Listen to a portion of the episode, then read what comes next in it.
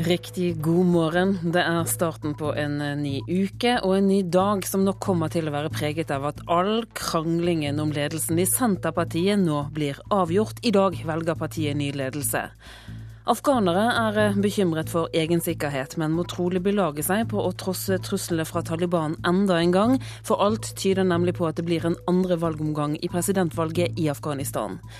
Og her hjemme er bråk mellom fotballsupportere et økende problem.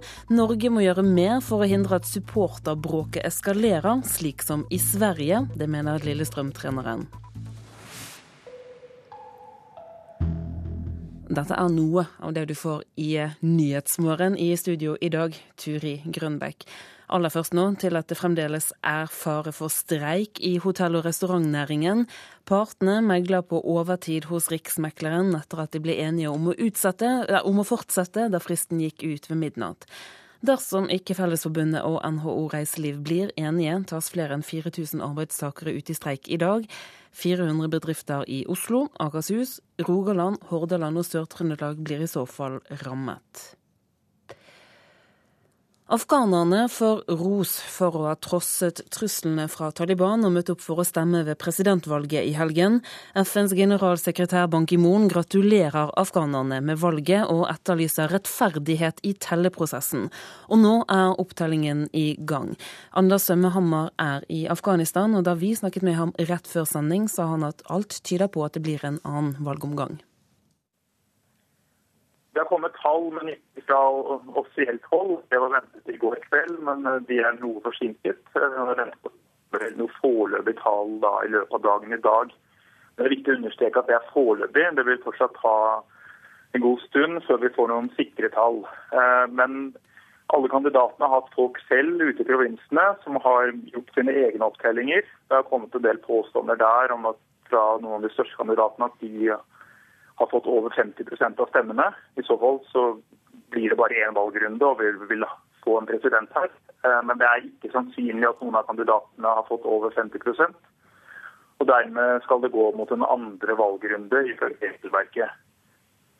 Hva tror du folk synes om at det kanskje kan bli en, enda en valgrunde? Jeg har nettopp snakket med folk her i Kabel i morges, veldig redde for at det skal bli en andre valgrunde. Det er fordi det var så mye vold i innspurten til den første valgrunden. I løpet av to måneder så var det 39 selvmordsbomber i aksjon. Vi hadde den mest voldelige innspurten til et valg her siden 2001.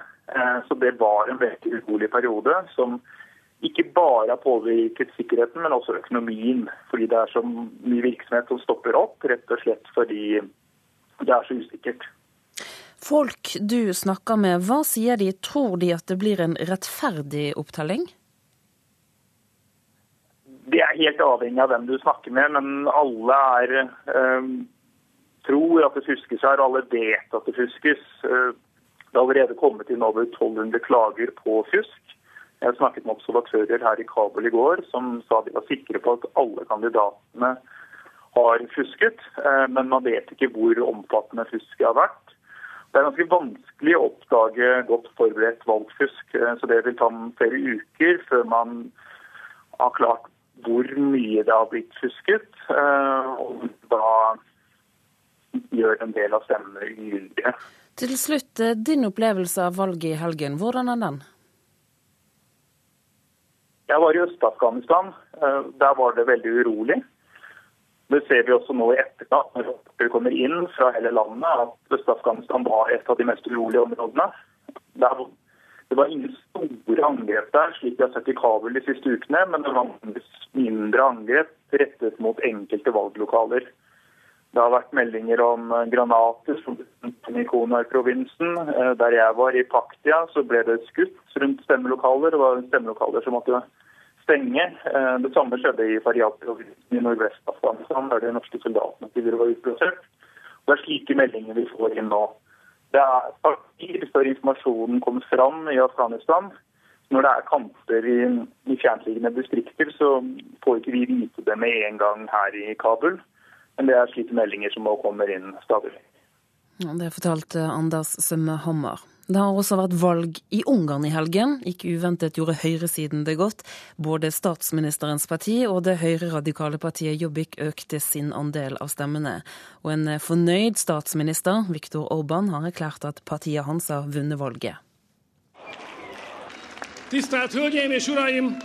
Kellő alázattal és méltósággal vi kan si med absolutt sikkerhet at vi vant, sa statsminister Viktor Orban til jublende tilhengere i Budapest i går. Ikke uventa gjorde partiet hans det godt i valget, og da 94 av stemmene var talt opp, fikk de 44,6 Sjøl sier Orban at det er en bekreftelse på regjeringas politikk for å skaffe flere arbeidsplasser, støtte familier og å kjempe for nasjonal suverenitet. Orban er dermed valgets store vinner, og får nå fire nye år som statsminister. Men han er en kontroversiell mann, og mens enkelte mener at han er landets redningsmann, kaller andre han for en despot som er i ferd med å få for mye makt. Et annet omdiskutert parti som gjorde det godt i valget, er det høyreekstreme partiet Jobbik. Vi fikk ikke så mange mandater som vi håpa på, men vi fikk over 20% av stemmene, sa partilederen på en pressekonferanse, ifølge Reuters. Han sier sjøl at de nå er det sterkeste radikale nasjonalistpartiet i EU, noe som bl.a. bekymrer landets jøder. Det sa reporter Maria Abdli. Kirken vil ha menneskerettighetene inn i Grunnloven. Det er beskjeden fra Kirkemøtet som pågår i Kristiansand. Biskop i Hamar, Solveig Fiske, tror dette kan hjelpe de lengeværende asylbarna. Engasjementet mitt på dette handler om de lengeværende asylbarna, og for så vidt også andre asylsøkere. Jeg er opptatt av at de skal få en redelig behandling som hensynstar menneskerettighetene, og da FNs barnekonvensjon slik at de blir håndtert på en ordentlig måte. Det er ikke bare homoekteskap som diskuteres på kirkemøtet i Kristiansand. I går var det menneskerettighetene som sto på sakslista. Det er et kjerneområde for Den norske kirke å arbeide selv i forhold til menneskerettigheter, men ikke minst i samarbeid med alle andre gode krefter som jo arbeider mye med det. Det sier Kjetil Drangsholt, som leder komitéarbeidet om menneskerettighetene. Han kommer med en klar beskjed. Det er viktig at menneskerettigheter har det øverste vernet, det øverste juridiske vernet vi har i kongeriket. Det er å legge det inn i Grunnloven. Det er altså Kirkemøtet, eller Kirkas svar på Stortinget, som nå snakker til selve Stortinget. I forkant av grunnlovsjubileet i mai i år ser nå Stortinget på forslag fra Lønningutvalget om nettopp å inkludere menneskerettighetene i Grunnloven. Men det er delte meninger. Senest fredag sa jusprofessor Eivind Smith at han frykter Stortinget vil gi fra seg råderetten over Norges grunnlov til Høyesterett og Europadomstolen i Strasbourg. Høyres Michael Tetzschner er skeptisk til å inkludere økonomiske, kulturelle og sosiale menneskerettigheter. Mens Venstres Trine Skei Grande og Aps Jette Christensen mener det blir umusikalsk å ikke inkludere alle menneskerettighetene.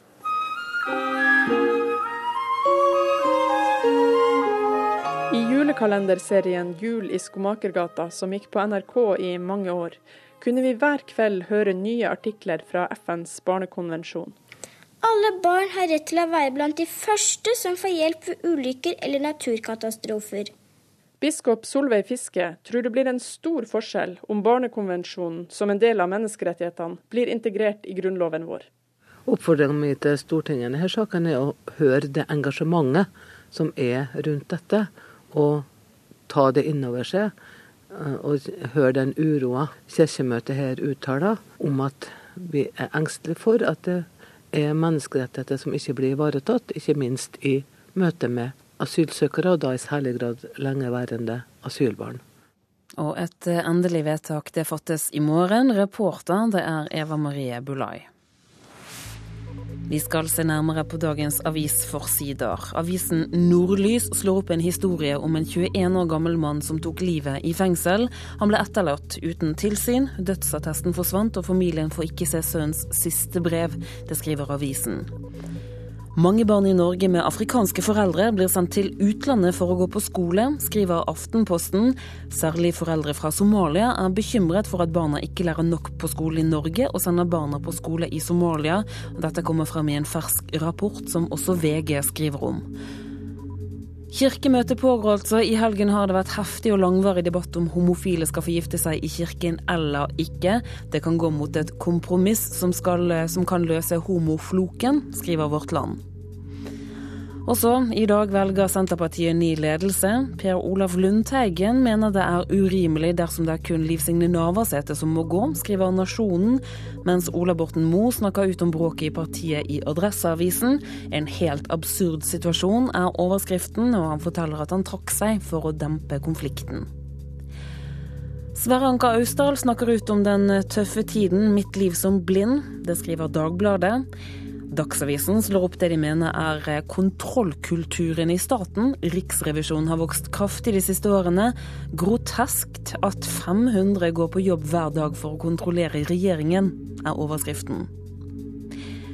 Nå bremser Norge opp. Én av ti bedrifter planlegger nedbemanning. Det skriver Dagens Næringsliv. Og nordmenn er ikke overbevist om at OL i Oslo er en god idé. Seks av ti sier nei. Skepsisen er klart størst i nord, skriver Klassekampen.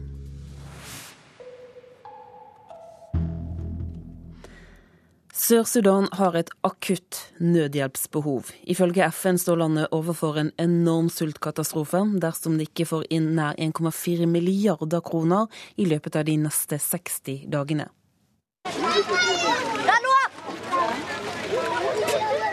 En kvinne med et lite barn på armen ankommer en flyktningleir i Etiopia. De har flyktet fra vold, uro og et stadig voksende sultproblem i hjemlandet Sør-Sudan.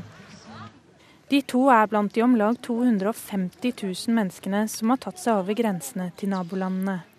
Tilbake i Sør-Sudan er nær én million mennesker på flukt internt. For dem er situasjonen kritisk, for snart kommer regnet. With the rainy season now settling in, conditions are getting worse. The sites in Tomping and in Malakal, in particular, are at imminent risk of turning into death traps. Forholdene blir verre nå som regntiden kommer, sier FNs spesialutsending til Sør-Sudan, Hilde Frafjord Jonsson. Hun advarer om at to av FNs egne leire kan bli rene dødsfeller med oversvømmelser og fare for utbrudd av dødelige sykdommer. Sør-Sudan har et akutt behov for bistand. FN hevder at dersom ikke hjelpen kommer snart, står landet overfor den verste sultkatastrofen verden har sett siden den i Etiopia på 80-tallet. Reporter her Silje Landsverk, generalsekretær i Kirkens Nødhjelp Anne Marie Helland. Du har akkurat kommet tilbake fra Sør-Sudan. Hva har du sett? Ja, jeg så um, flyktninger som hadde kastet alt de hadde i hendene og rømt hals over hode fra landsbyene sine. Primært er det kvinner og barn som nå sendes uh, først, uh, i håp om at ikke rebellene skal komme, så de kan vende tilbake til hjemmene sine. De fleste er redde fordi regntiden står for døra, er, og da vil veier bli uframkommelige. De er redde da for at de som fremdeles er igjen i landsbyene, som da ikke kan nås, eh, vil være lette ofre for eh, rebellgrupper og for plyndring og, og drap. Selvfølgelig er de også redde for matsikkerheten framover. Fordi folk har rømt eh, fra hjemmene sine, og det betyr de har rømt fra jorda si. Så hvis de ikke får plantet og bearbeidet jorda nå når regnet kommer, da får de heller ingen mat eh, videre i året. Og FN er bekymret for at dette kan bli en fullstendig katastrofe. Hva er den største trusselen mot matsikkerheten? Ja, Det er det at jorda nå må dyrkes. Det er nå vi har et vindu for å klare å, at folket selv skal klare å skaffe seg mat. Eh, når regntida er over, og man, hvis man ikke da har fått plantet, blir det et eh, kjempeproblem. Så er det selvfølgelig også at eh, når regntida kommer, så blir veiene uframkommelige. Det er nesten ikke asfaltveier i, eh, i Sør-Sudan. Nesten alt er grus. Og Det gjør også at det blir vanskeligere å frakte inn nødhjelpsrasjoner til de rammede områdene. Da er vi nødt til å bruke fly, og det er svært dyrt og lite effektivt sammenlignet med å kunne kjøre landeveien. Og Så ber FN da om 1,4 milliarder kroner i løpet av ganske kort tid. Hvordan tror du utsiktene er til å få dette til, å få inn pengene? Jeg håper det er gode utsikter for å få inn mye penger. Eh, summene skal ikke jeg eller Kirkens Nødhjelp eh, svare for, men det er helt klart at det er nå vi har muligheten til å gjøre dette billig og effektivt for å unngå en katastrofe. Det er viktig å si. Eh, får vi frø, får vi mat inn nå, så er det større sjanse for at vi klarer å forebygge, så vi ikke får en katastrofe. For det er jo det vi selvfølgelig jobber for. Så er det mange som er på flukt. Du var inne på det i sted. Men så er det også slik at FNs spesialutsending beskriver enkelte av flyktningleirene som rene dødsfeller nå pga. regntiden. Mm. Hvilke alternativer finnes? Mm. Det er ikke så mange alternativer til flyktningleirene, for så vidt. Altså, Mange steder kan folk flytte hjem. Noen steder har det blitt rolig, eh, men problemet er at eh, sånn som jeg var i Bor, som er en landsby som bare for noen uker siden ble raidet veldig, eh, der er alt utbrent, så folk har ikke noe å vende hjem til. I tillegg til at de er redde for at noe skal skje der. Men det betyr også at det er en trussel for matsikkerheten, at folk ikke tør å vende hjem, og de har ingenting å vende hjem til. Hva slags inntrykk har du av den politiske situasjonen i Sør-Sudan nå? Den er uoversiktlig, for å si det forsiktig. Eh, forhandlingene er jo inne i en pause nå i noen uker. Eh, og vi håper jo at man klarer sånn noenlunde å respektere våpenhvilen. Men det er ingen klare alternativer for eh, den politiske framtiden i Sør-Sudan. Anne Marie Helland i Kirkens Nødhjelp, takk for at du kom hit til Nyhetsmorgen. Klokken den har blitt 6.46. Dette er altså Nyhetsmorgen. Og Hovedsaken nå er at det fremdeles er fare for streik i hotell- og restaurantnæringen. Alt tyder på at det blir en andre valgomgang i Afghanistan. Taliban truer med nye angrep, og afghanerne er bekymret for egen sikkerhet. Og vi har lenge snakket om problemene, stridighetene, kranglingen om lederkabalen i Senterpartiet. Men i dag blir den betente striden avgjort. Litt mer om dette litt over klokken sju.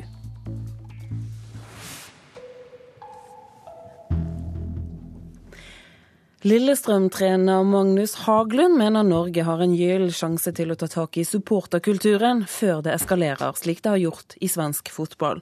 Han mener at vi ikke gjør nok i Norge. Vi har jo sjansen i Norge nå å ta tak i ting innan det går så langt. Vi ser jo tendenser i Norge nå som vi hadde i Sverige for 10-12-15 år siden. Og vi har sluttet med to dødsfall i Sverige. For dette skal være en sport. Rivalitet, ja. Men eh, det skal ikke være fare for liv. Lillestrøm og Vålerenga har alltid vært rivaler, men VIF-trener Kjetil Rekdal er helt enig med kollega Haglund i LSK på dette temaet. Haglund mener vi fortsatt ikke gjør nok i Norge. Jeg forventer vel meg gjerne at man blir litt strengere og blir litt tøffere. Eh, og kommer opp med mer ting som gjør det vanskeligere for de her personene å eh, drive med de her tingene som går på med. Svensken mener strengere lover og strengere straffer må til. Ja, f.eks. at de som har uh, bråket på arenaen, at man, uh, at man uh, har anmeldingsplikt på en politistasjon et par timer fra arenaen, sier at man kan ikke være der. Også at få ganske tøffe straff som gjør at man, man avskrekker fra å gjøre noe. Haglund håper at problemet blir tatt på alvor. Man må ta, ta det ved roten. Man har sjansen å gjøre det i Norge nå. Så det er utrolig viktig å gjøre det. Reporteren Patrick Stan Rolands. Mer flom pga. klimaendringer kan bety mer forurensning av Mjøsa. Flommen i pinsen i fjor førte til en betydelig algeoppblomstring, og det bekymrer forskerne. Ja, det var ikke rare temperaturen, nei. Kanskje en eh, fire-fem grader, tenker jeg. Forsker Jarl Eivind Løvik trekker hånda raskt til seg. Det er ennå isende kaldt i Mjøsa ved Åkersvika i Stange. Løvik jobber i Norsk institutt for vannforskning, NIVA, og overvåker vannkvaliteten i Mjøsa. Nå er prøvene fra i fjor klare, og de viser at forurensningen i Mjøsa har økt. Ja, Den var ikke helt sånn som vi hadde ønska, egentlig. Det, var, det ble mye mer alger enn vi har hatt på, på, mange år. Konklusjonen var jo at en litt sånn betenkelig, eller ikke helt tilfredsstillende tilstand i, i miljøtilstand i Mjøsa i 2013. Forskerne ved NIVA mener årsaken til algeveksten er pinseflommen og den varme sommeren i fjor. Flomvannet førte med seg forurensning fra sideelver, jorder og renseanlegg. Flomvannet inneholdt mye fosfor, som gir næring til algene, og som finnes i avføring fra mennesker og dyr. Jeg kan si at I fjor så var, ble situasjonen litt spesielt eh, pga. At, eh, at den flommen kom like etter at eh, mye av åkerlandskapet var nysådd og nygjødsla. Og I tillegg så blir jo da de kommunale avløpssystemene sett på en prøve når det er så voldsomme vannmengder som skal ned gjennom dalene. Ennå er vannstanden i Mjøsa lav, men med snøsmeltinga vil vannet stige og dekke steinene vi nå går på. Et varmere og våtere klima og økt fare for flom kan bety mer forurensning av Mjøsa, sier Løvik. Får vi mer hyppige sånne voldsomme flommer og, og, og økning generelt i, i, nedbør og avrenning, eller tilrenning til Mjøsa, da, så, så, kan en jo se for seg muligheter for at det blir, blir noe økt tilgang på, på næring, eller økt fosformengde i, i Mjøsa. og Hvis situasjonen ellers er gunstig for algevekst, med, med noe sol og, og varme, så, så, skal en ikke se bort fra at det kan bli en, eh, i hvert fall enkelte år bli, bli en økning i algemengden. Nå, tidlig på våren, er Mjøsa kald og klar. Blir det mye alger i vannet, blir det grumsete, og vannkvaliteten blir dårligere både som badevann, fiskevann og drikkevann. Det er bekymringsfullt med tanke på at 100 000 personer får drikkevannet sitt fra Mjøsa. Som jeg husker nok sikkert situasjonen på 1970- og 80-tallet til helst. Da det var, var, en utvikling mot uh, blågrønnalger som, som uh, skaper lukt og smak på vannet. Målinger viser at fosformengden i Mjøsa har økt de fire-fem siste åra. I fjor var det like mye fosfor i Mjøsa som på midten av 90-tallet. Men selv om nivået nå er høyere enn på lenge, er det verken farlig å bade eller drikke vannet fra Mjøsa, beroliger Løvik. Likevel er det viktig å sørge for at forurensningen holdes nede. Vedlikehold av avløpssystemer og, og, tiltak i jordbruket som, som hindrer at, at fosforet havner i Mjøsa, det, det er fortsatt viktig. Reporter her Anne Nesheim. Antall arbeidsløse kunst- og kulturarbeidere som går på dagpenger øker. På kun to år har det vært en over 20% økning. Det er ikke bra, sier Vigdis Mo Skarstein. Hun er i gang med Kulturdepartementets utredning om kunstnernes økonomi. En av dem som har gått på dagpenger, er musikalartist Simen Gloppen. Så pust inn med nesen, fyll opp magen. Simen Gloppen er utdannet musikalartist ved Bordarakademiet. Nå underviser han andre, mens han venter på å igjen kunne stå på scenen. Så det er ganske OK å ha en sidejobb, eller to ting da, som man brenner for når det er sånn yrke som man ikke er helt sikker på om man alltid har e, jobb med det ene. Simen har tidligere gått på dagpenger mellom to jobber, og kjenner flere som har gjort det samme. Så man kan holde seg i gang, slippe å måtte liksom ta å jobbe så veldig mye som ikke er relevant med faget, da. På kun to år har det vært en over 20% økning i antall arbeidsløse kunst- og kulturarbeidere som går på dagpenger. Det viser tall fra Nav. Dette omfatter bl.a. musikere, forfattere, skuespillere og filmarbeidere. Økningen er nesten dobbelt så høy som den totale økningen i antall arbeidsløse registrert hos Nav. I februar i år gikk 698 kunst- og kulturarbeidere på dagpenger. Ja, jeg tenker jo at det er et uh, tall som uh, ikke er et godt tall. Sier Vigdis Mo Skarstein. Dersom det betyr at det er flere kunstnere som ikke kan leve av å være kunstnere, og at, indikerer, at tallene indikerer en skjult arbeidsledighet blant kunstnere, så er jo ikke det bra. Skarstein er nå i gang med en utredning som hun skal lede for Kulturdepartementet, der formålet er å undersøke hvordan man kan styrke kunstnernes muligheter til å leve av deres virksomhet. Og Da vil vi jo se på sammenhengen i, eh, mellom de eh, lønnsutviklingen som er for kunstnere. Vi vil se på stipendordninger, og vi vil se på andre virkemidler for at det skal bli bedre å leve som kunstner i Norge. Ja, jeg tror at det kan skyldes flere årsaker. Sier kulturminister Toril Vidvei. Men det som er viktig her, det er at vi ønsker å se på dette i nå i en litt større sammenheng. Er det for mange kunst- og kulturarbeidere i Norge? det kan jo se ut som om at i hvert fall etterspørselen ikke står i forhold til det som hvor mange som her er disponible. Tilbake i dansesalen peker Simen Gloppen på noe han tror kan være grunnen til økt ledighet. Det kan jo være at det utdannes jo veldig mange flere enn det gjorde før. Ehm, så det kan jo være en grunn. Vi er dobbelt så mange, virker det som nå, som i hvert fall når jeg gikk ut av skolen. Det er ikke så lenge siden, til og med. Reporter Christian Ingebretsen. Alvorlig trakassering bør ikke plasseres i en underholdningsramme, mener norsk medieforsker. Før helgen hadde TV-serien Trolljegerne premiere på svensk fjernsyn. I serien oppsøker man mennesker som hetser andre anonymt på nett. Og det kan komme en norsk versjon av programmet.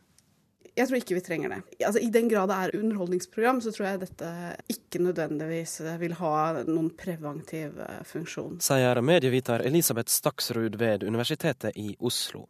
Hun refererer til programmet Trolljegerne, som hadde premiere på svensk fjernsyn før helga. Skrota ditt jævla skrivende i stedet. Sluta pisse på det svenske arvet vi har. Hoppas det hender noe utrivelig med deg, vidrige as. Hets og hatefulle ytringer fra anonyme på nettet.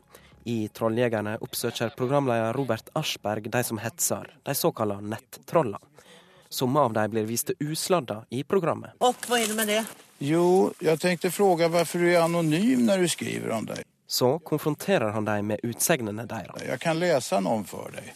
Ja, ja, du får lese hvor mye du vil. Man blir så forbannet som man skulle ville gjøre som Lasermannen. Slike ekstreme ytringer er en del av hverdagen i kommentarfelt og forum på nett. Men Elisabeth Staksrud synes det er et problem når hetsen blir lagt inn i det hun kaller ei underholdningsramme. Det handler ikke bare om et samfunnsoppdrag å prøve å avdekke og, og hjelpe noen, eh, men det gjøres i en underholdningsramme som blir, kanskje gjør det ekstra problematisk eller ekstra utfordrende å diskutere. Det kan nok sikkert oppfattes som et eh, kontroversielt program. Det sier programdirektør i Norsk TV3, Åse Bendiksen. Før helga meldte Aftenposten at kanalen vurderer å lage en norsk versjon av Trolljegerne. Åse Bendiksen vil ikke nødvendigvis være med på å definere programmet som underholdning. Man kan jo f.eks. si at uh, dette er et mer faktabasert program. Det kan også eh, stille spørsmål om eh, hvor går grensen mellom underholdning og program som hjelper deg. Hun sier det svenske programmet har som mål å få politi og styresmakter til å ta netthets mer alvorlig. For å sitere vår programleder i Sverige, da, Robert Ersberg, han sier jo at eh, mange av de folkene som blir utsatt for sånne nettroll, livet deres blir jo gjort eh, til et rent helvete. Det er jo grunnen for at man eh, i Sverige har valgt å sette søkelyset på dette problemet gjennom å lage et sånt TV-program om det. Veldig ulykkelig at jeg var så kort en uttalende. Du er ikke ensom om det? Nei, det tror jeg ikke. Nei. Og be om unnskyld. Ja, det kanskje er en bra idé. Ja. Bra. Reporteren, det var Lars Ivar Nordahl.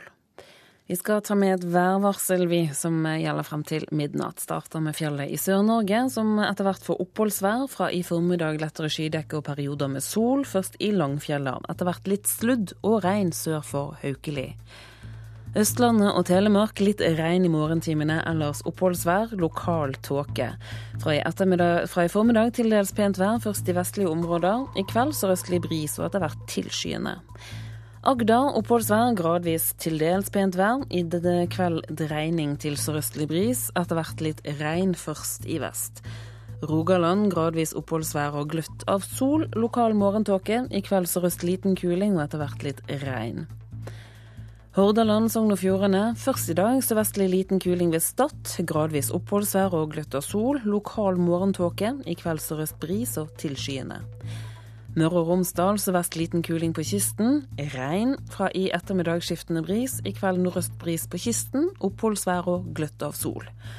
Trøndelag sørøst frisk bris utsatte steder. Litt regn fra i formiddag. Sørvest frisk bris på kysten og regnbyger. I kveld sørøst bris, etter hvert oppholdsvær, først i sør. Nordland østlig bris, liten kuling utsatte steder, vesentlig nord for Bodø. Stort sett pent vær, i kveld litt regn og sludd på Sør-Helgeland. Troms på kysten nordøstlig frisk bris. Først på dagen enkelte snøbyger i nord, eller stort sett pent vær. Finnmark i øst-nordvestlig sterk kuling. I ettermiddag minkende til liten kuling, ellers nordlig frisk bris utsatte steder. Det blir snøbyger, mest i kyststrøkene. Og Norensjøland på Spitsbergen kan vente seg østlig bris og for det meste pent vær. Så temperaturene målt klokken fem. Minus 18 på Svalbard. Kirkenes minus 6. Vardø og Alta hadde minus 3 grader. Minus 2 var det i Tromsø. Det var det også i Bodø. Pluss 6 grader i Brønnøysund. Trondheim og Molde hadde pluss 7. 8 grader i Bergen. Stavanger 9. Kristiansand 6 grader. Det var det også på Gardermoen. Lillehammer 4 grader. Røros 2. Og Oslo-Blindern hadde 7 grader klokken 5 i dag tidlig.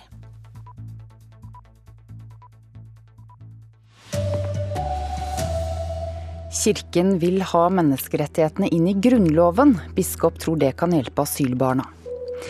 Vi trente i 2012, nå er vi godt forberedt, sier LO Stat før lønnsoppgjøret. Her er NRK Dagsnytt klokken sju. Kirken vil ha menneskerettighetene inn i Grunnloven. Det er beskjeden fra kirkemøtet som pågår i Kristiansand. Kjetil Dragsholt leder komitéarbeidet som tar for seg menneskerettighetene. Vi opplever et press på menneskerettigheter internasjonalt. Men vi opplever det også nasjonalt. og Derfor er det viktig at vi sikrer det selv i Norge, og plasserer det så høyt vi kan juridisk i vår lovgivning, at vi er trygge på at der står det fast. Der er det vernet mot hva som eventuelt kan komme. Nå er vi bedre forberedt til å sette makt bak kravene, sier leder i LO Stat, Tone Rønholdtangen, før møtet med staten i dag. Streiken 2012 ga oss en vekker, og vi er mye bedre rustet til kamp for kronene i dag, sier hun. Hvis tilbudet er for dårlig, så vet vi at vi må sette makt bak kravene for å få det resultatet vi vil. Og nå vet vi at vi kan gjøre det, og vi lærte mye i 2012 som vi tar med oss inn i dette oppgjøret. Mer offensiv? Mer offensiv, og det er klart vi er mer forberedt. Hvis du kan si at vi trena i 2012, så skal vi bruke den treninga til noe positivt eventuelt i 2014. Intervjuer Hedvig Bjørgum. Syntetisk narkotika som kjøpes over internett, fører til bølger av dødsfall flere steder i Europa nå. Det skriver avisen VG.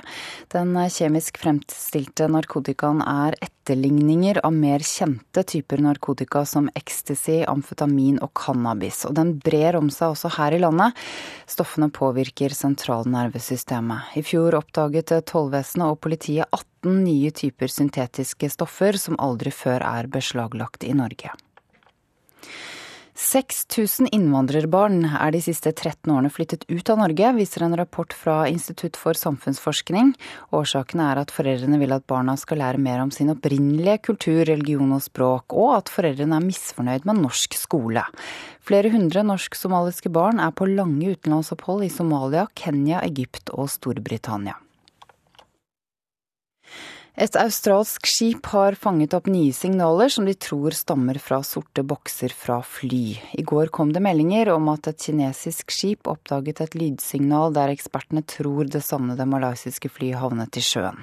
Frekvensen på lydsignalene er det samme som det som sendes ut fra flyets sorte bokser. NRK Dagsnytt, Ida Creed. Du lytter til Nyhetsmorgen. Vi fortsetter med bl.a. vi skal til Riksmeklerens kontor og lodde stemningen der, for det er fremdeles fare for streik i hotell- og restaurantnæringen.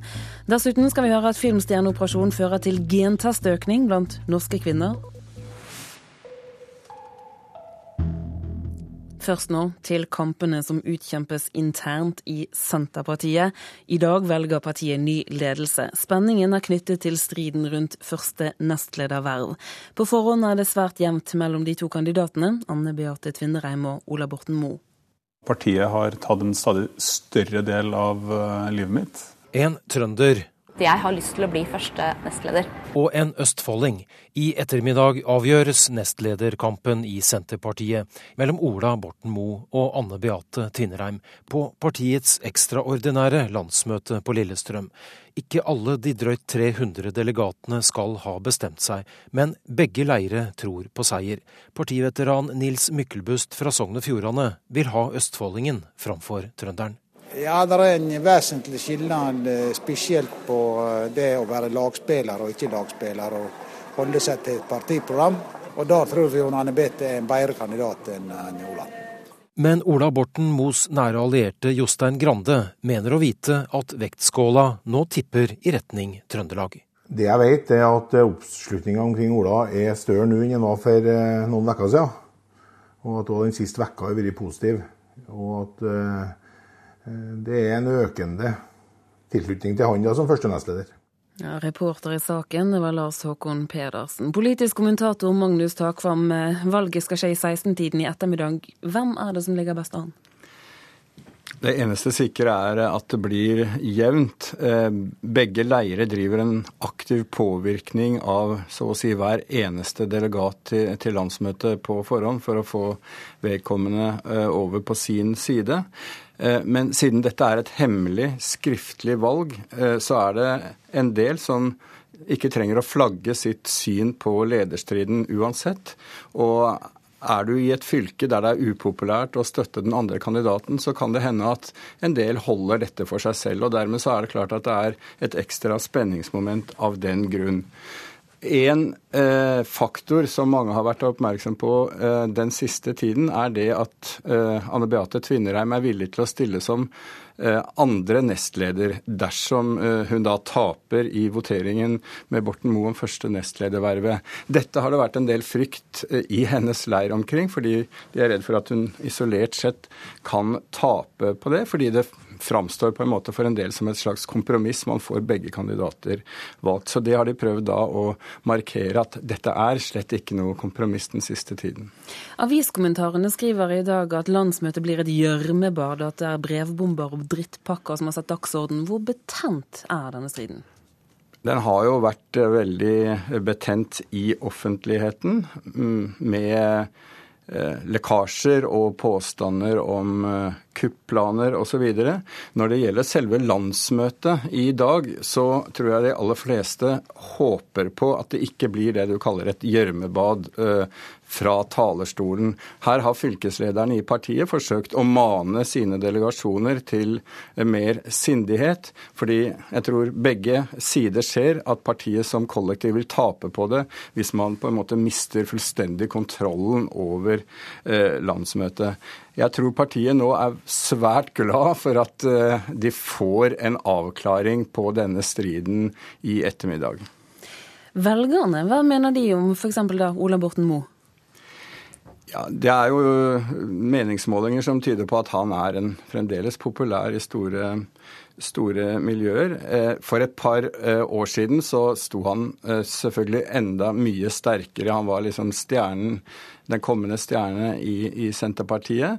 Men striden internt i, i toppen av partiet med Navarsete, de siste begivenhetene, har jo gjort at også hans popularitet har opplevd slitasje jeg tror at en del av de som tidligere eh, støttet han, eh, var skuffet da han ikke tok gjenvalg til Stortinget i 2013. Og det er nok en del av hans tidligere støttespillere som, eh, som skal vi si, har forlatt ham, åpenbart. Men Magnus Takvam, nå blir det en ny ledelse i Senterpartiet. Blir det da slutt på all uroen? Vel, eh, Det er veldig avhengig av hvordan den nye ledelsen, nye lederen Trygve Slagsvold Vedum, greier å håndtere dette. Eh, det er også Særlig om de da klarer å eh, konsentrere partiet inn i politisk arbeid i forhold til den nye regjeringen som, som Høyre og Frp leder i kommunepolitikk, landbrukspolitikk osv. Men det er nok mange som frykter at dette ikke går over, selv om man får et en avklaring på valget i, i, dag. Det skal være et nytt landsmøte neste år, og mulige omkamper man, kan man ikke utelukke. Magnus Takvam, takk skal du ha. Det har vært en voldsom økning i antall kvinner som gentester seg for å finne ut om de har arvelig brystkreft. I fjor økte testingen i Norge med 50% sammenlignet med året før. En Angelina Jolie-effekt, sier overlege. Verken jeg eller søsteren min så vel på muligheten for å ha genfeil, egentlig. Skjønner du hva jeg mener? Man, man tenkte kanskje at nei, det, det skjer ikke oss. Um, men så feil skulle man ta. Allerede som 26-åring fikk Heidi Kopperud vite at hun har en genfeil som gir mellom 40 til 80 økt risiko for bryst- og eggstokkreft. Etter noen uker da, med genfeilen, og jeg begynte å kjenne på den frykten for å ha kreft, for den hadde jeg jo ikke hatt før, så kjente jeg at valget om å fjerne de var uh, lettere enn å skulle ligge og vente en gang i året på en sånn MR-maskin på om å få svar har du fått kreft denne gangen, eller har du ikke? Gentesting for arvelig brystkreft har vært tilgjengelig i Norge siden 90-tallet, men etter et avisinnlegg i mai i fjor har gentesting tatt av. I et åpenhjertig avisinnlegg fortalte Angelina Jolie at hun hadde en genfeil. Den samme som gjorde at mora hennes døde av brystkreft. Det gjorde at Jolie opererte bort begge brystene sine for å forebygge kreft. Overlege Lovise Mæhle ved Oslo universitetssykehus merker Jolie-effekten tydelig. Mange flere ønsker å ta gentesten enn før. En voldsom økning. Og den er ikke forbigående, sånn som vi har sett ved en del andre medieoppslag. Eh, da har vi kanskje sett eh, dagene etter og ukene etter at vi har fått telefo flere telefoner og flere brev. Dette varer ved, så det er en slags kunnskap tror jeg, som er planta i befolkninga. Sykehusene som gentester i Bergen, Trondheim og Tromsø har også en økning. Gentesting for arvelig brystkreft har økt med 50% i fjor sammenligna med året før.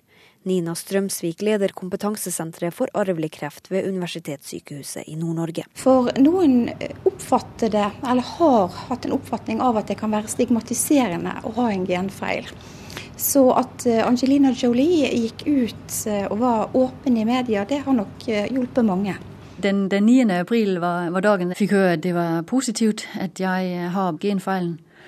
Og der gikk, der gikk verden i stå. Alt sto stille, og at um, jeg tårene bare rant ned kinnene. Jeg visste liksom ikke opp ned. To lyse arr går på tvers av brystkassa til 38 år gamle Louise Skak, to mindre på magen. Det er sporene etter operasjonene som tok vekk brystene og eggstokkene hennes. Det var som et tap, ja. Men det er også en, en svær lettelse. Det er som et, en tyngde det har blitt borte fra skuldrene mine. altså. Skak oppfordrer alle som har en historie med brystkreft i familien, til å ta en gentest. Det er også um, et spørsmål om å kunne um, forlenge livet, tenker jeg.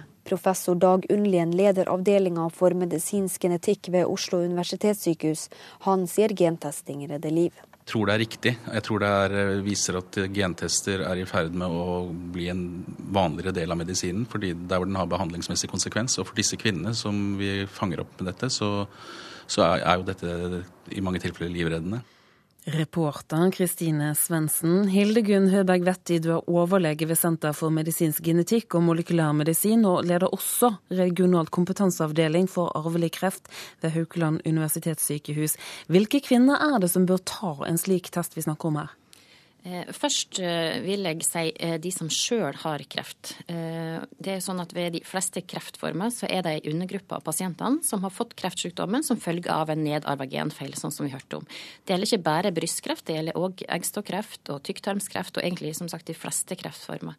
Og Det er viktig å finne ut hvem av pasientene det er som har den arvelige formen, fordi det har betydning for behandling av kreftsykdommen hos de som har det, for oppfølging av de videre, og ikke minst avklaring av risikoen for slektninger.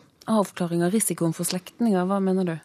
Eh, det er sånn at Når det først blir påvist en genfeil hos en kreftpasient, altså at man finner ut at den kreften skyldes en nedarva genfeil, så betyr det at eh, familiemedlemmer eh, til den pasienten har en veldig økt risiko for å få kreft. Og de kan da tilbys gentest for å finne ut om de virkelig har arva den risikoen eller ikke. Hva vet du om hvor mange av befolkningen som bærer dette brystkreftgenet? Ja, det vet vi ikke helt nøyaktig. Det er også sånn at det varierer mellom ulike befolkninger. I Norge har vi f.eks. en høy forekomst av BRCA1-genfeil i Rogaland. Um, men vi ser kanskje mest Hvis vi ser på de som har kreft, så er det sånn at hos de med eggstokkreft så er det 10-15% som har en, en sånn genfeil, mens brystkreft så er det bare 2 den, Denne testen som dere da tilbyr, hvor sikker er den? Eh, alle tester, inkludert gentester, har sine begrensninger, men den er sikker på den måten at hvis man får påvist en sykdomsgivende genfeil, så har man den genfeilen, og den forsvinner heller ikke med tida. Men så er det òg sånn at eh, at vi tester gjerne bare for ett gen eller to gener i, av gangen. Og det finnes over 100 ulike kreftgener, så hvis det virkelig er en sterk mistanke om arvelig kreft i en familie, så er det sikreste å få en vurdering hos spesialist i medisinsk genetikk. Ja, hva bør en kvinne gjøre hvis hun er frisk, men har denne genfeilen? Eh, for friske kvinner som får påvist en genfeil i de her brystkreftgenene, så er standard anbefaling eh, at man går til oppfølging med MR av bryst fra 25 års alder, og i tillegg at man fjerner eggstokker og eggledere ved ca. 40 års alder. Men vi ser jo at stadig flere velger å fjerne brystene forebyggende, slik som Angelina Jolie gjorde, for å redusere risikoen mest mulig. Er det noe dere anbefaler? Eh, ja, i økende grad så vil vi nok anbefale det, spesielt hos de som har BRCA1 genfeil, fordi at vi ser at ved sånn genfeil, så er oftere brystkreften de får, eh, av den litt sintere typen. Altså en hissigere variant? Ja. Er det andre typer enn brystkreft og eggstokkreft man kan teste seg for? Ja, det var som jeg var inne på, så er det sånn for de fleste kreftformer så er det en undergruppe som kan være arvelig.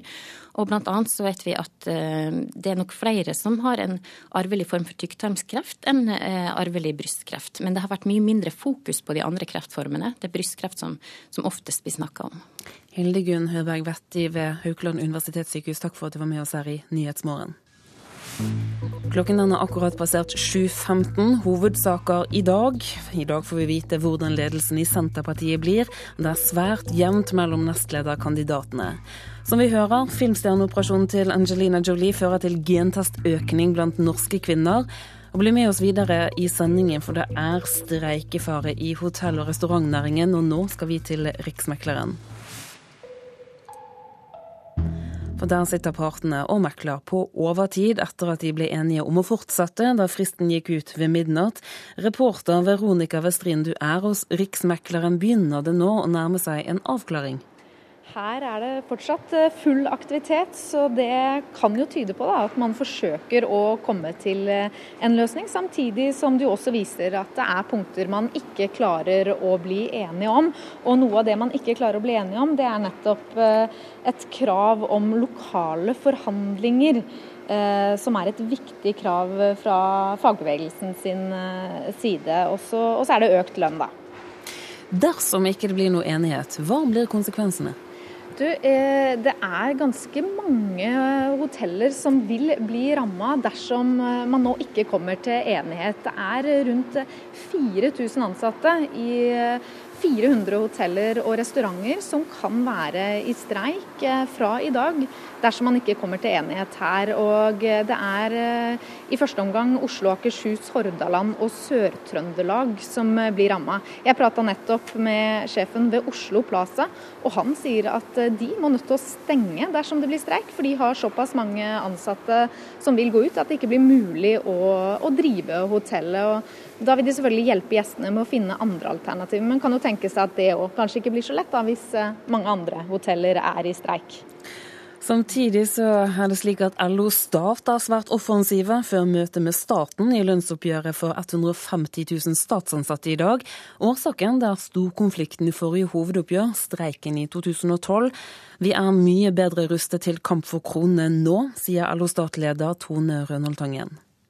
Hvis tilbudet er for dårlig, så vet vi at vi må sette makt bak kravene for å få det resultatet vi vil. Og nå vet vi at vi kan gjøre det, og vi lærte mye i 2012 som vi tar med oss inn i dette oppgjøret. Mer offensiv? Mer offensiv, og det er klart vi er mer forberedt. Hvis du kan si at vi trena i 2012, så skal vi bruke den treninga til noe positivt eventuelt i 2014. Det er mange sterke parter i statens lønnsoppgjør.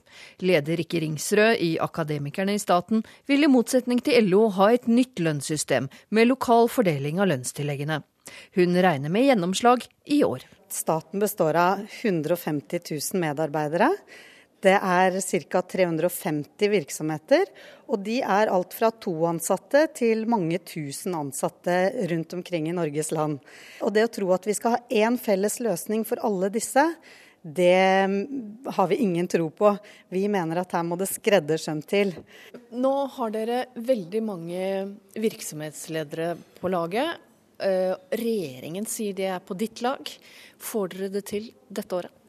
Jeg håper at regjeringen og staten som arbeidsgiver ser eh, nødvendigheten av å gjøre endringer som innebærer større lokal handlefrihet. Og akademikerne får hjelp med de lokale tilleggene, sier Jan Tore Sanner.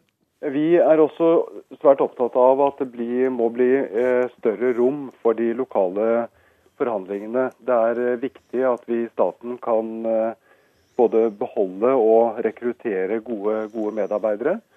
Og vi ønsker at de statlige etatene rundt om i landet skal ha større muligheter eh, til å se på lokale oppgjør. Det er kommet en ny regjering. Eh, hva har det å si for muligheten til å komme i havn i år? Det er vi usikre på. For det er kommet få signaler fra kommunal- og moderniseringsminister eh, Sanner. Han har sagt at han ønsker eh, større lokale potter enn det som har vært vanlig de siste åra. Men utover det så har det vært veldig dårlig med signaler. Sier LO-statssjef Tone Rønholdtangen. Og det er mer å krangle om. Innretningen av lønnstilleggene er viktige, uansett om det blir sentrale eller lokale lønnspotter. Kvinner tjener 85 kroner i timen for hver hundrelapp menn tjener i dette landet og forskjellene økte i fjor. Akademikerne vil ha alt ut til lokal fordeling og forhandling eh, nå, sier de. Det vil ikke dere, hvorfor ikke? Fordi at det kan medføre at eh, enkelte arbeidstakere i staten ikke får lønnsutvikling flere år på rad. Og det vil medføre at vi mister styringa på likelønnsutviklinga i eh, staten. Nå ser vi at ved lokale forhandlinger så blir Eh, menn eh, prioritert høyere enn kvinner.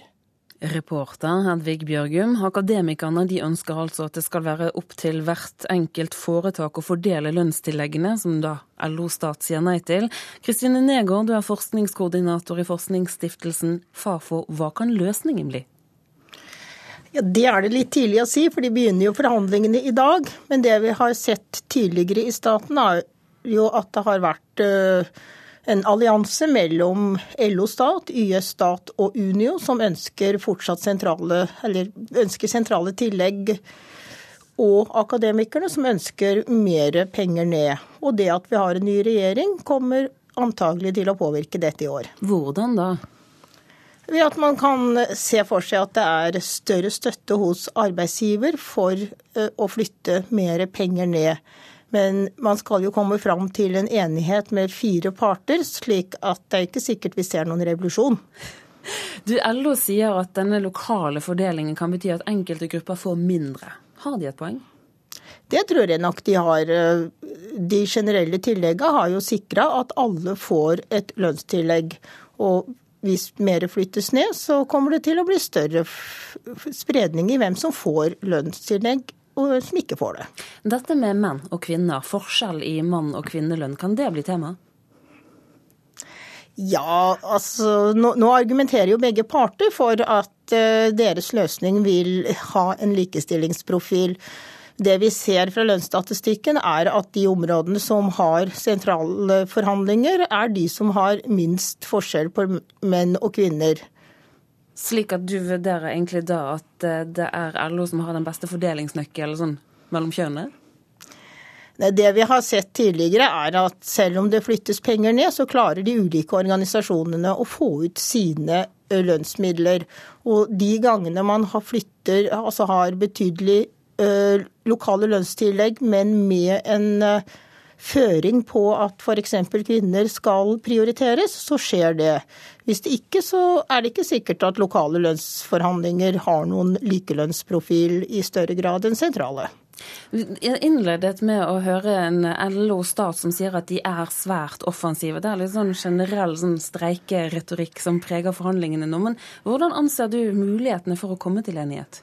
Altså jeg tror jo at det er større sannsynlighet for at man kommer til enighet enn man ikke gjør det. Hvis vi ser på historikken, så var det en streik i staten i 2012, og da måtte vi tilbake til 80-tallet eh, for å finne forrige storstreik. Slik at dette her er et tariffområde hvor man har lang tradisjon for å komme fram til enighet. Men blir dette spørsmålet om en omfattende desentralisering satt på spissen, så kan det godt komme en konflikt. Er det der de strides mest? Er det det punktet de står størst lengst fra hverandre? Jeg tror vel at det er det som kommer til å bli vanskeligst. Men, eh, og det tror jeg også alle partene vet, inkludert arbeidsgiver. Kristine Negård fra Fafo, takk for at du kom hit til Nyhetsmorgen. Vi skal se på dagens avisoverskrifter, vi. Nordlys slår opp en historie om en 21 år gammel mann som tok livet sitt i fengsel. Han ble etterlatt uten tilsyn. Dødsattesten forsvant. Familien får ikke se sønnens siste brev, skriver avisen. Mange barn i Norge med afrikanske foreldre blir sendt til utlandet for å gå på skole, skriver Aftenposten. Særlig foreldre fra Somalia er bekymret for at barna ikke lærer nok i Norge. De sender barna på skole i Somalia, kommer frem i en fersk rapport, som også VG skriver om.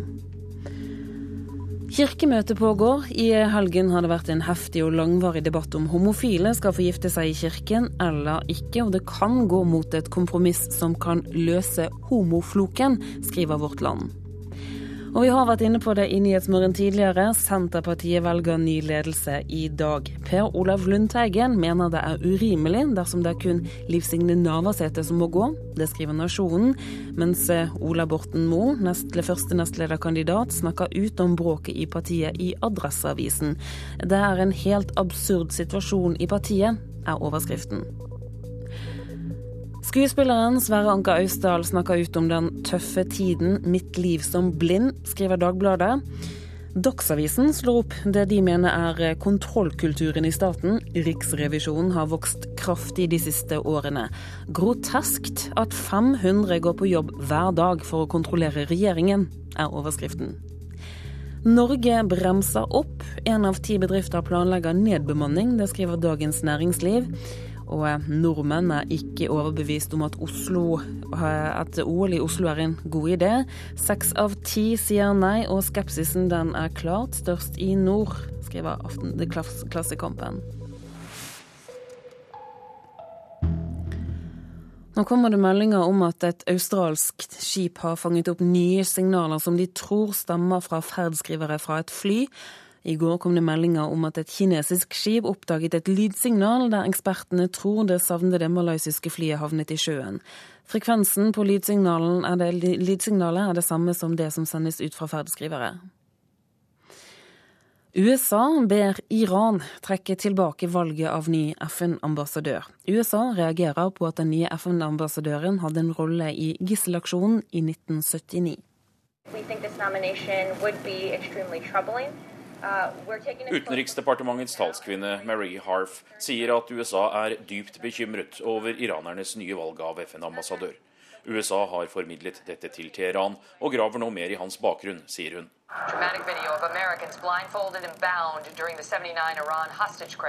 Fjernsynskanalene her viser bilder av gisselaksjonen i 1979, der 52 amerikanere ble holdt inne på USAs ambassade i Iran i halvannet år. De forteller at Iran har søkt visum for Hamid Abu Talebi, en av dem som angivelig var med i studentgruppa som sto bak gisselaksjonen. Abu Talebi er en karrierediplomat som har vært Irans ambassadør i flere europeiske land. Han ses på som moderat og en reformist, med tette bånd til president Hassan Rouhani. Likevel er det kraftige reaksjoner, også i Kongressen, på at Iran vil sende nettopp denne personen til FNs hovedkvarter i New York. This is a slap in face by the Iranian government to the American people, to the hostages, and it should not be allowed to stand. Republikaneren Lindsey Graham er en av de 29 senatorene fra begge partier som har skrevet et brev til USAs utenriksminister. De ber om at USA nekter å gi Abu Talebi oppholdstillatelse og immunitet pga. hans bakgrunn. Flere av de samme senatorene er også skeptiske til at USA forhandler med Iran om atomprogrammet. USA er vertsnasjon for FN og gir visum til diplomatene men medlemslandenes utsendinger trenger ikke å bli godkjent på forhånd. USA og Iran har ingen diplomatiske forbindelser, selv om det er tatt skritt for å myke opp. Selv sier Hamid Abu Talebi at han ikke var en del av gisselaksjonen, men erkjenner å ha arbeidet som tolk og forhandler under løslatelsen av noen av gislene. Nestlederen på den norske FN-delegasjonen i New York, ambassadør Tine Mørk Smith, sier at det er uvanlig å nekte ambassadører innreise. Det er ikke noe historie som vi er kjent med, at, at vertslandet har stoppet uh, kandidater som er blitt utpekt som ambassadører fra medlemslands side. USA kan velge å gi utsendinger bevegelsesforbud, men det får få praktiske konsekvenser, sier Mørk-Smith. Jobben skjer jo i FN-bygget og i dets umiddelbare nærhet, så i utgangspunktet så skal ikke dette være noe problem for de land det gjelder. Men det er klart, eh, det gjør at det blir litt forskjell på folk. at Enten så får du et visum hvor du har et åpent visum til USA, eller så har du et visum med klare begrensninger. Og Det gjelder da et lite antall land, bl.a. Uh, Syria, Cuba, Nord-Korea. Og Dette brukes jo også som en ledd i sanksjonspolitikken fra, fra USAs side, at de legger den type begrensninger på FN-ambassadørene. Norge har ikke noe problem med å ønske den nye utsendingen velkommen, ifølge FN-delegasjonen i New York. Vi forholder oss til den som et land ønsker å sende som, som FN-ambassadør, på, på en normal måte. USA har altså klaget til Iran på nominasjonen av ny FN-ambassadør, men har ennå ikke sagt om de kommer til å nekte Abu Talebi et visum. Anders Tvegård, New York. Og du lytter til eh, Nyhetsmorgen. Det er Marit Selma Nedrelid som produserer Nyhetsmorgen i dag. Her i studio, Turi Grønbekk. Nå nærmer klokken seg 7.30. Det betyr at vi straks skal ha Dagsnytt.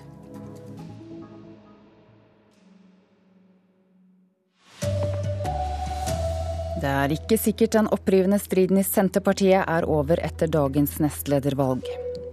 Filmstjerneoperasjon fører til økning av gentester blant norske kvinner. Det kan bli streik i hoteller og restauranter. Her er NRK Dagsnytt klokken 7.30. I dag velger Senterpartiet ny ledelse, og spenningen er knyttet til striden rundt første nestledervervet. På forhånd er det veldig jevnt mellom de to kandidatene Anne Beate Tvinnerem og Ola Borten Moe. Partiet har tatt en stadig større del av eh, livet mitt. En trønder. Jeg har lyst til å bli første nestleder. Og en østfolding. I ettermiddag avgjøres nestlederkampen i Senterpartiet mellom Ola Borten Moe og Anne Beate Tvinnereim på partiets ekstraordinære landsmøte på Lillestrøm. Ikke alle de drøyt 300 delegatene skal ha bestemt seg, men begge leire tror på seier. Partiveteran Nils Myklebust fra Sogn og Fjordane vil ha østfoldingen framfor trønderen. Ja, Det er en vesentlig skillnad, eh, spesielt på eh, det å være lagspiller og ikke lagspiller, og holde seg til et partiprogram. Og Da tror vi Anne Beth er en bedre kandidat enn Ola. Men Ola Borten Moes nære allierte Jostein Grande mener å vite at vektskåla nå tipper i retning Trøndelag. Det jeg vet, er at oppslutninga omkring Ola er større nå enn den var for eh, noen uker siden. Og at den siste vekka har vært positiv. Og at Eh, det er en økende tilslutning til han da, som første. Ja, Valget skjer ved 18-tiden i ettermiddag. Reporter i saken Lars Håkon Pedersen.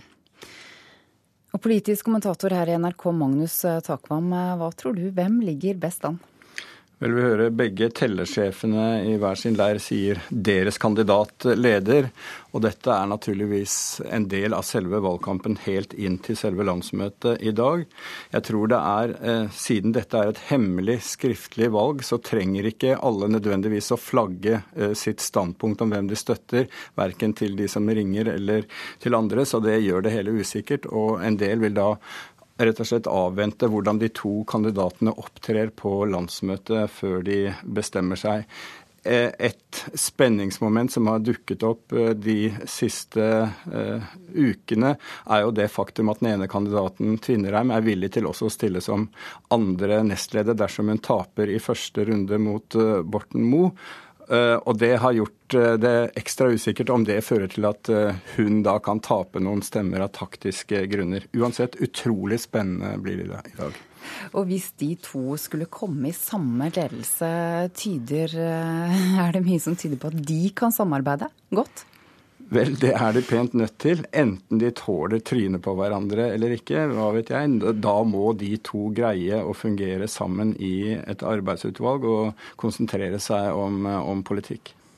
Han som uansett blir leder i Senterpartiet, Trygve Slagsvold Vedum, kommer til Politisk kvarter klokken 7.45 på P2. Antall kvinner som gentester seg for å finne ut om de har arvelig brystkreft, har økt voldsomt. I fjor økte testingen i Norge med 50% sammenlignet med året før. Angelina Jolie-effekten, sier overlege. Det åpenhjertige avisinnlegget i mai i fjor, der Angelina Jolie fortalte at en genfeil hadde fått henne til å operere bort begge brystene, har satt varige spor. Overlege Lovise Mæhle ved Oslo universitetssykehus merker effekten tydelig. Mange flere ønsker å ta gentesten enn før. En voldsom økning. Og den er ikke forbigående, sånn som vi har sett ved en del andre medieoppslag. Nina Strømsvik leder kompetansesenteret for arvelig kreft i Tromsø. At eh, Angelina Jolie gikk ut eh, og var åpen i media, det har nok eh, hjulpet mange.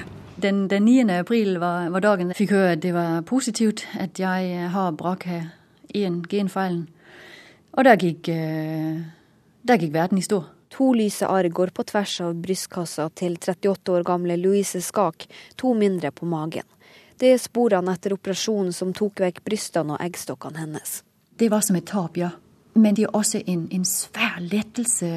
Det er som et en tyngde det har blitt borte fra skuldrene mine. altså. Skak oppfordrer alle som har en historie med brystkreft i familien til å ta en gentest. Det gjør også Heidi Kopperud, som fikk vite at hun hadde en genfeil som 26-åring. Etter noen uker da, med genfeilen har jeg begynt å kjenne på den frykten for å ha kreft, for den hadde jeg jo ikke hatt før. Så kjente jeg at valget om å fjerne de var uh, lettere enn å skulle ligge og vente en gang i året på en sånn MR-maskin på om å få svar har du fått kreft denne gangen, eller har du ikke? Professor Dag Unnlien er glad for den kraftige gentestøkninga. For disse kvinnene som vi fanger opp med dette, så, så er, er jo dette i mange tilfeller livreddende. Reporter Kristine Svendsen. Den norske kirke vil ha menneskerettighetene inn i Grunnloven. Det er beskjeden fra kirkemøtet som pågår nå i Kristiansand. Biskop i Hamar Solveig Fiske tror dette kan hjelpe spesielt asylbarna. Engasjementet mitt på dette handler om de lengeværende asylbarna, og for så vidt også andre asylsøkere. Jeg er opptatt av at de skal få en redelig behandling som hensynstar menneskerettighetene, og da FNs barnekonvensjon. Det er ikke bare homoekteskap som diskuteres på kirkemøtet i Kristiansand. På komitérommene snakkes det også om hvordan kirka best skal ivareta menneskerettighetene. Vi ønsker å styrke menneskerettighetenes stilling gjennom å påvirke og si til Stortinget det er viktig å få dette inn i Grunnloven. Det sier Kjetil Drangsholt, som leder komitéarbeidet med menneskerettighetene. Det pågår nå en debatt blant professorer og politikere om og eventuelt hvordan menneskerettighetene kan innlemmes i Grunnloven. Nå kommer altså sterke signaler fra kirka om at de vil inkludere menneskerettighetene, og dermed også Barnekonvensjonen. Gjennom jul i Skomakergata har mange lært artiklene i Barnekonvensjonen. Alle barn har rett til å være blant de første som får hjelp ved ulykker eller naturkatastrofer. Nå håper Fiske denne barnelærdommen også kan innlemmes i Grunnloven. Oppfordringen min til Stortinget i denne saken er å høre det engasjementet som er rundt dette, og høre den uroa som eh, Kirkemøtet her uttaler. Ja, og Kirkemøtet gjør endelig vedtak i denne saken i morgen. Reporter i Kristiansand er Eva Marie Bulai. Det kan bli streik i hotell- og restaurantnæringen. Partene mekler på overtid hos Riksmekleren etter at de ble enige om å fortsette da fristen gikk ut ved midnatt. Reporter Veronica Westrin hos Riksmekleren, ser det ut til å bli en løsning? Her pågår meklingen fortsatt for fullt, så det kan jo tyde på at man forsøker å finne en løsning, samtidig som det er uenighet om flere ting. Eh, et av de viktigste kravene fra Fellesforbundets side er høyere lønn og et punkt om rett til lokale forhandlinger som det strides om. Er det fare for påskeferien til folk om det ikke blir en løsning? Ja, Dersom man ikke kommer til enighet her, så, så kan det være det. Eh, jeg prata nettopp med Fellesforbundet, som sier at eh, streikekassa deres er gedigen. Så de er beredt til å streike lenge. Og det er jo mange hoteller da, som vil bli berørt. F.eks. de store kjedene Rika, Thon, Quality. Jeg prata f.eks. med sjefen på Oslo Plaza. Han sier at de må stenge Eh, fordi det er såpass mange ansatte som er med i Fellesforbundet der, at de ikke kan drive hotellet videre. Men De vil jo da selvfølgelig hjelpe gjestene med å finne andre alternativer, men det kan jo også bli vanskelig dersom mange andre hoteller er stengt. Og så er det restauranter som også vil bli ramma. Takk til deg, reporter Veronica Westrin hos Riksmekleren. Et australsk skip har fanget opp nye signaler som de tror stammer fra sorte bokser fra fly. I går kom det meldinger om at et kinesisk skip oppdaget et lydsignal der ekspertene tror det savnede malaysiske flyet havnet i sjøen. Frekvensen på lydsignalet er det samme som det som sendes ut fra flyets sorte bokser. Sport nå. Lillestrøm-trener Magnus Haglund mener Norge har en gyllen sjanse nå til å ta problemene med bråkmakere blant supportere. Han er redd det skal eskalere, slik det gjorde i svensk fotball, og han frykter at vi ikke gjør nok. Vi har jo sjansen i Norge nå å ta tak i ting innan det går så langt. Vi ser jo tendenser i Norge nå som vi hadde i Sverige for 10-12-15 år siden. Og vi har sluttet med to dødsfall i Sverige. For dette skal være en sport. Rivalitet, ja men eh, det skal ikke være fare for liv. Lillestrøm og Vålerenga har alltid vært rivaler, men VIF-trener Kjetil Rekdal er helt enig med kollega Haglund i LSK på dette temaet. Haglund mener vi fortsatt ikke gjør nok i Norge. Jeg forventer meg gjerne at man blir litt strengere og blir litt tøffere. Eh, og kommer opp med mer ting som gjør det vanskeligere for de her personene å eh, drive med de her tingene som går på Reporter Patrick Stene Rolands. Det er eh, Arild Svalbjørg som er ansvarlig for Dagsnytt-sendingene denne morgenen. Teknisk ansvarlig er Frode Thorshaug. Jeg heter Ida Creed.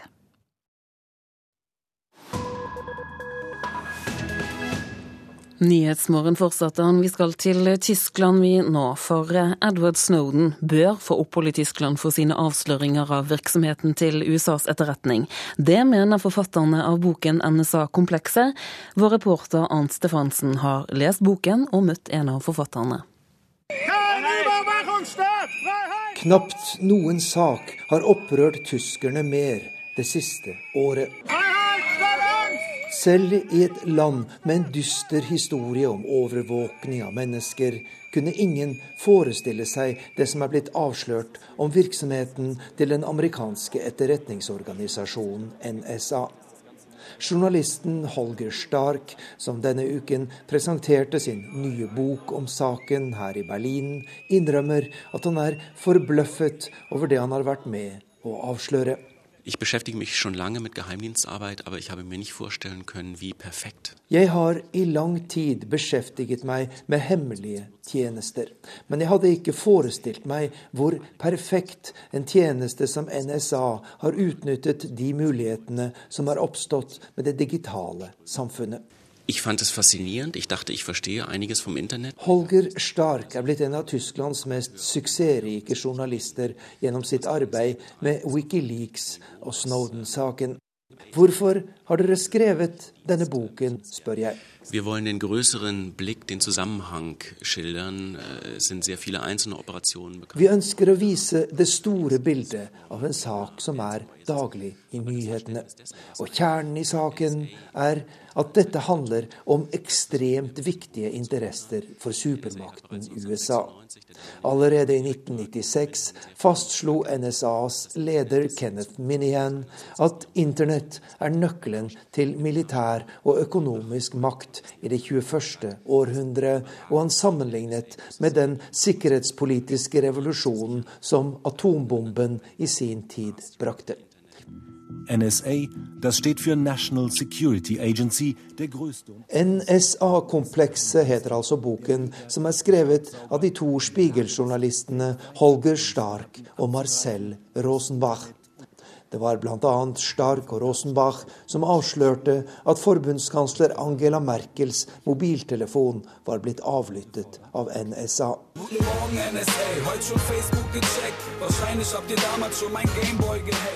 De to forfatterne av NSA-komplekset har jobbet med mange eksklusive kilder, bl.a. i etterretningsmiljøene i USA og Tyskland.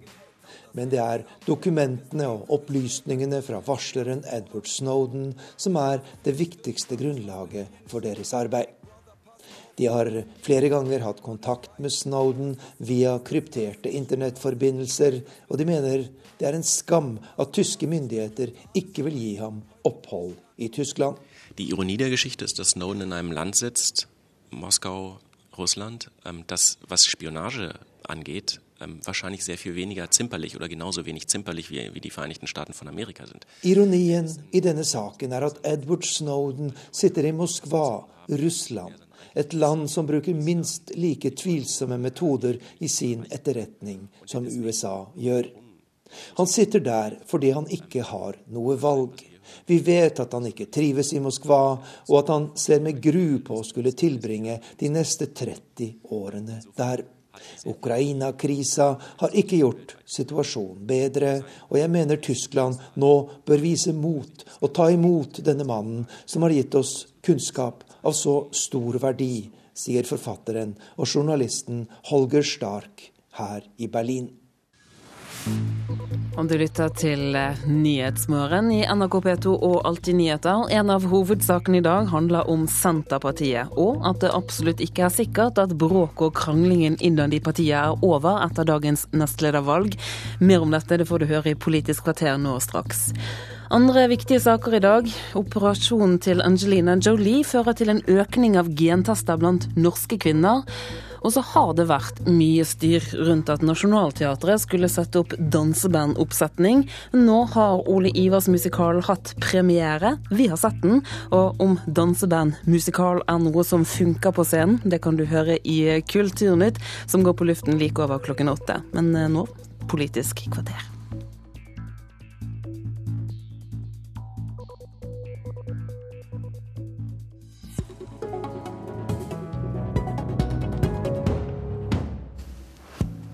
Det har ikke vært vårens vakreste eventyr. I hovedrollene Ola Borten Moe, en maktkåt, illojal ladejarl som har gjort alt for å undergrave sin partileder. Og Liv Signe Navarsete, en paranoid leder som har gjort alt for å kneble sin nestleder og tvunget medarbeidere til å lyve. I en birolle Trygve Slagsvold Vedum. Velkommen til Politisk kvarter. Hvis 140 av de rundt 300 av Senterpartiets landsmøtedelegater hadde stemt mot deg i dag, og mange av dem fordi de ikke likte deg eller det du står for. Hva slags mandat hadde du hatt da?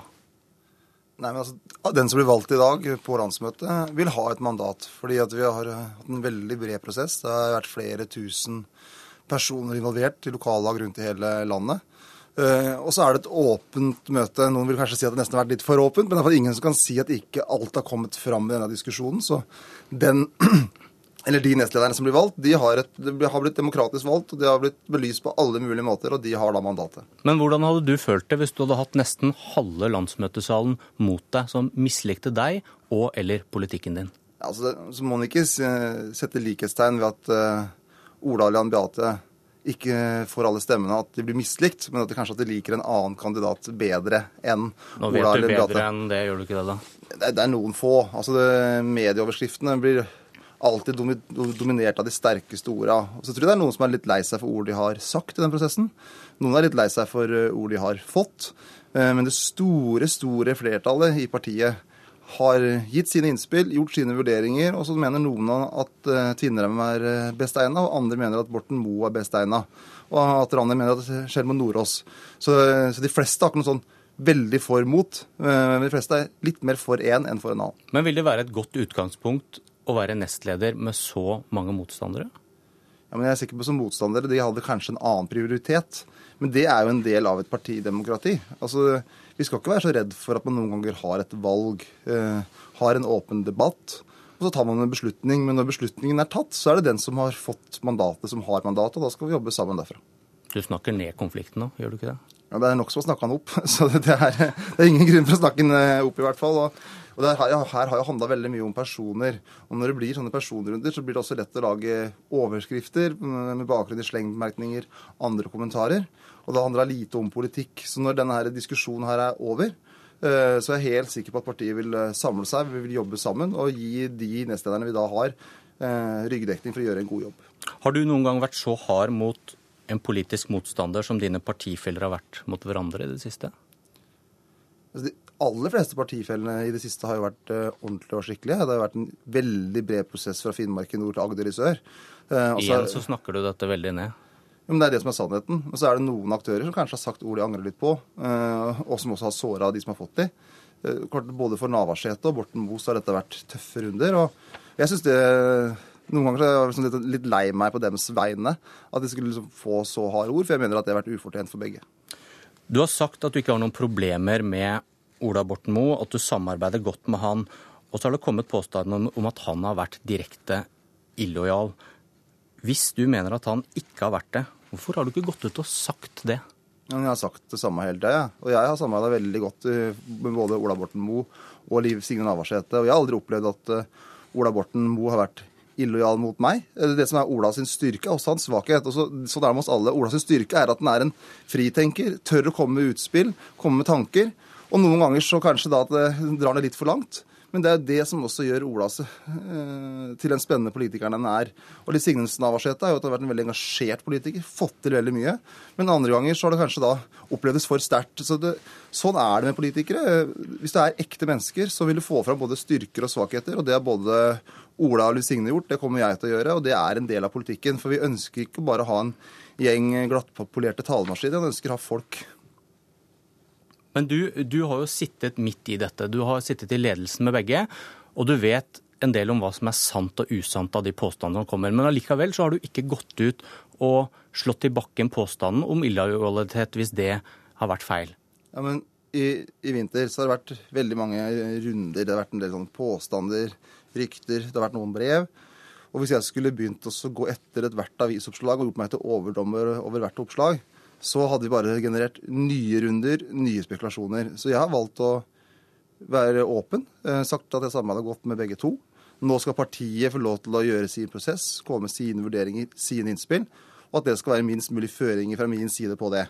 Det er den, det er den linja jeg har valgt eh, å holde. Jeg mener at det har vært en, eh, en klok linje. For jeg tror hvis jeg skulle begynt å være overdommer over alle de ulike eh, orda som har blitt brukt, så tror vi bare at enda flere ord. Men overdommer, du, du, vet vel hva som stemmer, og ikke hadde delegatene i dag hatt et bedre utgangspunkt for å gjøre valget sitt, hvis du hadde sagt hva som var sant og ikke? Nei, men husk at Jeg, jeg fikk et sånn veldig godt råd når jeg gifta meg. og Da var det fadderen min som sa husk at den, din ektefelles sannhet oppleves like reell som din egen. Og Det er også viktig i en lederposisjon. at alltid, Jeg opplever én sannhet, men når du skal møte andre, så kan de oppleve sin sannhet like reell. Eh, og nå har vi hatt en bred prosess. Og det som jeg er opptatt av, er at når vi da får fatta våre vedtak på landsmøtet i dag, så har den som blir valgt, uansett hvem det er, mandatet. Eh, og da skal vi jobbe derfra og få på, eh, diskusjon nå på politikk og det store samfunnsprosjektet Senterpartiet har framover. Jeg tror jeg spurte deg sist gang du satt der om du var konfliktsky. Nei, altså Jeg er heldigvis ikke en person som driver og søker konflikter hele tida. Eh, jeg prøver å være konfliktklok og velge mine konflikter med omhu. For at, eh, jeg har liksom litt sånn lederfilosofi for meg sjøl. Det er at du skal ha fasthet i det sentrale, romslighet i det perifere og kjærlighet i alt, som Augustin sa. Og det er den lederstilen også mener at han bør prøve å ha. Han skal være romslig med det meste, for det meste er bare litt støy der og da, og betyr egentlig ingenting. Men så må du tørre å velge dine slag og være tydelig. Men det skal være i Senterpartiet rom for å ha ulike meninger. Det skal være rom for debatt. For vi trenger mer debatt, ikke mindre. Så tror jeg også jeg spurte deg om noen gang er ikke sannheten det beste for et parti? Ja, Sannheten eh, er alltid det beste, eh, for hva er alternativet til sannheten? Eh, men som jeg sa i stad, så kan sannheten oppleves forskjellig. Det er vel å sitte helt stille i en betent konflikt og ikke si det man vet, eller? Nei, sannheten er bruke Det er lurt å bruke, bare bruke huet. Tenke gjennom hva man sier. Sørge for at man ikke sårer folk, og sørge for at man kan at det man sier, sier man direkte til de som er berørt. At man ikke alltid trenger å gå gjennom en avisredaksjon eh, eller en eh, radiosending for å si ting til personer. Du vil uansett stå igjen med mange tapere i dag. Nesten halve landsmøtet etter da disse tellingene. Med veldig sterke følelser. Hvordan skal du som leder håndtere det? Jeg tror det vil oppleves intenst, mer intenst for noen enn for mange. For det er noen som har vært veldig aktive i de debattene. Flesteparten som kommer inn i landsmøtet i dag, har, har lave skuldre. Mange er sikkert i tvil. Skal jeg stemme på Ola Borten Moe? Skal jeg stemme på Anne Beate Tvinnereim? Og ligger og vipper. Så jeg tror de fleste tenker ja, da ble det Borten Moe, ja, da ble det Tvinnereim. Men så er det en, en, noen som vil være mer såra. Men det som vi veit med sånne personkonflikter, personrunder, er at når ting kommer litt på avstand, så vil ting roe seg ned, og vi begynner å diskutere politikk. Og det er politikken som vil samle oss. Og jeg hadde vært mye mer bekymra inn i det landsmøtet her hvis det hadde vært en djup politisk konflikt. F.eks. at én fløy nå sier nå må vi søke regjeringsmakt mot Høyre og Frp så fort som overhodet mulig. Eh, for det hadde jo vi hatt muligheten til med vårt, eh, vår oppslutning i Stortinget.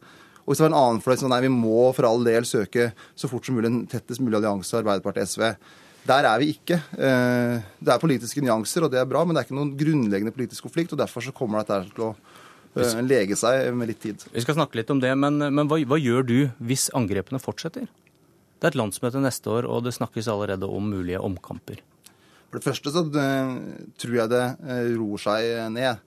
Og så er det ikke noe poeng å sitte her og beskrive eventuelle problemer som kommer om tre-fire måneder. Det må vi ta tak i når det kommer, eventuelt. Diskutere med de da som uh, er der og, og, sier ulike ting. Og så tror jeg mange også har erfart i de rundene nå at det både har vært slitsomt å si orda og få orda. Så jeg tror det er det som har trukket litt lærdom av de siste månedene. At blir det for mange sterke ord om hverandre, istedenfor at man snakker med hverandre, så taper egentlig alle på det. Du har sagt at dette ikke handler om et retningsvalg for partiet. Hun som kjemper mot Ola Borten Moe i dag, hun mener det. Hvor tar hun feil? Altså, det er politiske nyanser, og heldigvis er det det. Men, men, i de politiske hovedvalgene så har vi vært helt samstemte. Vi var helt samstemte når vi satt i regjering. Eh, vi var helt samstemte om at vi skulle gå til valg på ny regjering.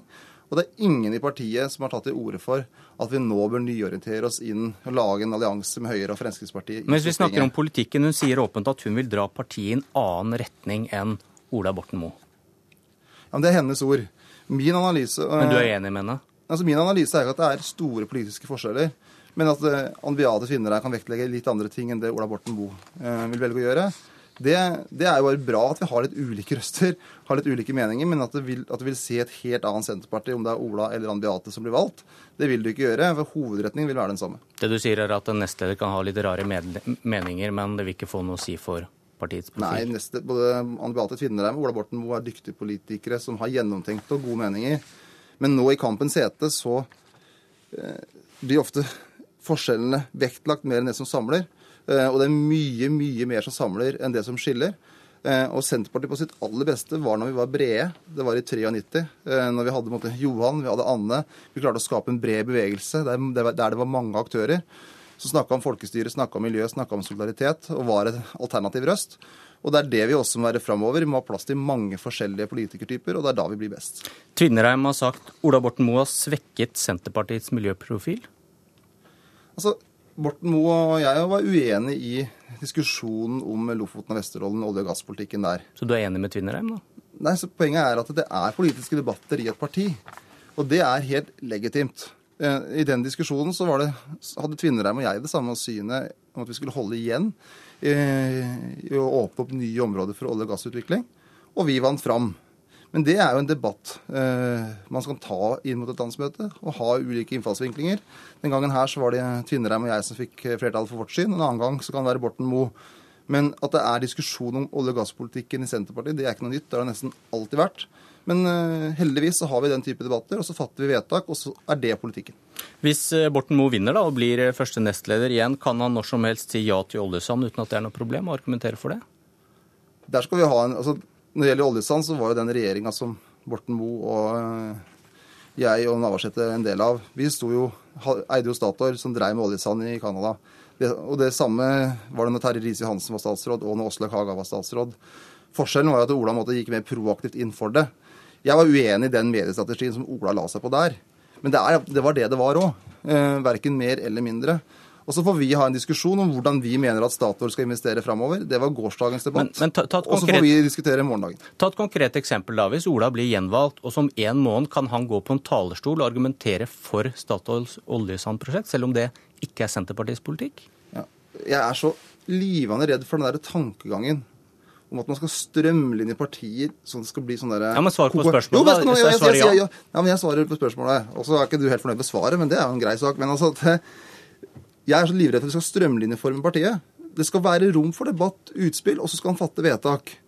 Og, og Noen ganger så kan det da være diskusjoner på olje- og gasspolitikken. Så er det legitimt. Men når vi har fatta et vedtak, så er det det som er partiets politikk. Andre ganger så kan det være diskusjoner i forhold til fordelingspolitikken. Eh, og Det kan være ulike syn, men når vi fatter et vedtak, så er det partiets politikk. Og Vi hadde en stor debatt konkret på Lofoten og Vesterålen. Og så fatta vi et vedtak. Nei, vi vil ikke åpne opp nye områder. Og da er det partiets politikk. Men at det er ulike syn i en sånn debatt før man fatter vedtak, det er bare bra. Det er ikke skummelt. Jeg står på mitt, du svarte ikke på spørsmålet. Hvis han om en måned står på en talerstol og sier og argumenterer for oljesandprosjektet til Statoil som nestleder, selv om ikke det er Senterpartiets politikk, er det greit for deg? Altså, jeg tror det som er eh, en av mine styrker, for så vidt, er at jeg er for politisk debatt. Og om Ola skulle eh, i en eller annen debatt spørsmål svarer du ikke alltid på.